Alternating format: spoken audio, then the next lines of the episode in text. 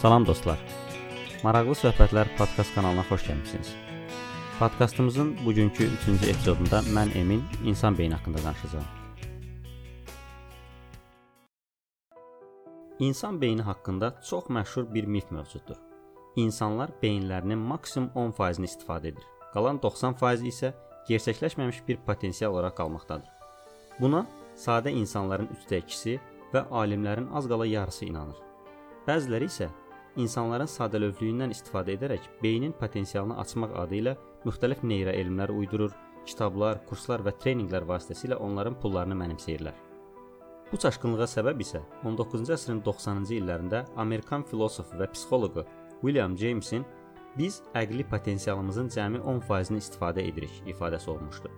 Bundan əlavə, insan beyninin təpə və alın paylarının böyük hissələrinin nəyə lazım olması barədə məlumat yox idi. Çünki bu hissələr zədələndikdə belə insanlarda hərəkət və hissiyat qüsurları yaranmırdı. Buna görə də alimlər beynin həmin hissələrinin heç bir funksiya yerinə yetirmədiyini düşünürdülər. 10 illiklər sonra beynin bu hissələrinin əsas icra və inteqrativ funksiyaları olduğu aşkarlandı. Buraya mücərrəd əsaslandırma, planlama, qərar vermə və ətraf mühitə adaptasiya kimi çox vacib özəlliklər aiddir.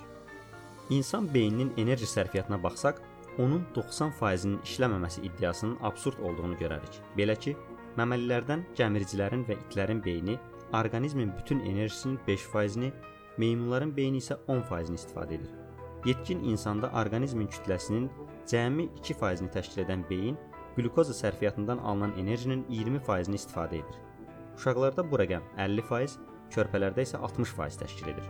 Bu miqdar beyin həcmini nəzərə aldıqda çox böyük görünür.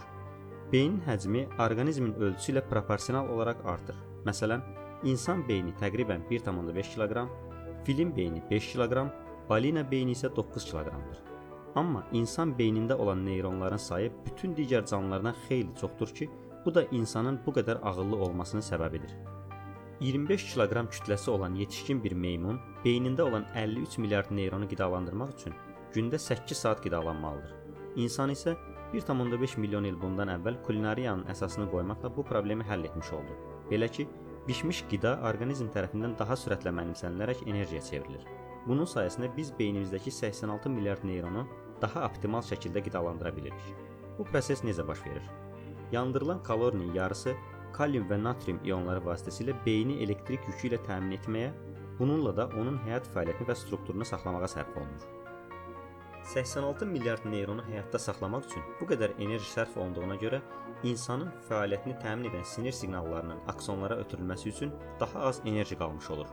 İnsan beyninin bəlli bir hissəsində neyronların hətta minimal miqdarı belə eyni vaxtda işləyərsə, yaranmış impulsların enerji gücü beyin üçün həddən artıq olar. Buna görə insan beyninin öz enerji effektivliyi protokolu mövcuddur. Belə ki, seyrək kodlaşdırma adlanan metodla minimum sayda enerji və neyronları işlətməklə beyin maksimum informasiya ötürməyə çalışır. Bu az saylı impulslar beyində milyonlarla fərqli neyron əlaqələri qura bilirlər. Deməli, beyin bütün neyronları istifadə edir, sadəcə eyni vaxtda deyil. Əgər beynin hansısa bir hissəsi tamamilə istifadəsiz olsaydı, təkamül prosesində biz onu çoxdan itirmiş olardıq. Maksimal effektivlik üçün beyin hüceyrələrinin eyni vaxtda 1-dən 16%-ə qədərinin aktiv olması lazımdır. Beynin resurslarına qənaət etməsi həm də bir çox proseslərin şuur altında getməsi ilə bağlıdır. Məhz buna görə də multitasking, yəni eyni vaxtda bir neçə işi görməyə çalışmaq çox vaxt uğursuz olur. Çünki sadəcə olaraq beynin buna enerjisi çatmır.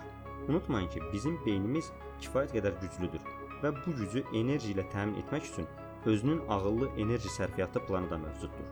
Və bir də sizin sərəncamınızda bütün işlərin öhdəsindən gələcək 86 milyard neyronunuz var.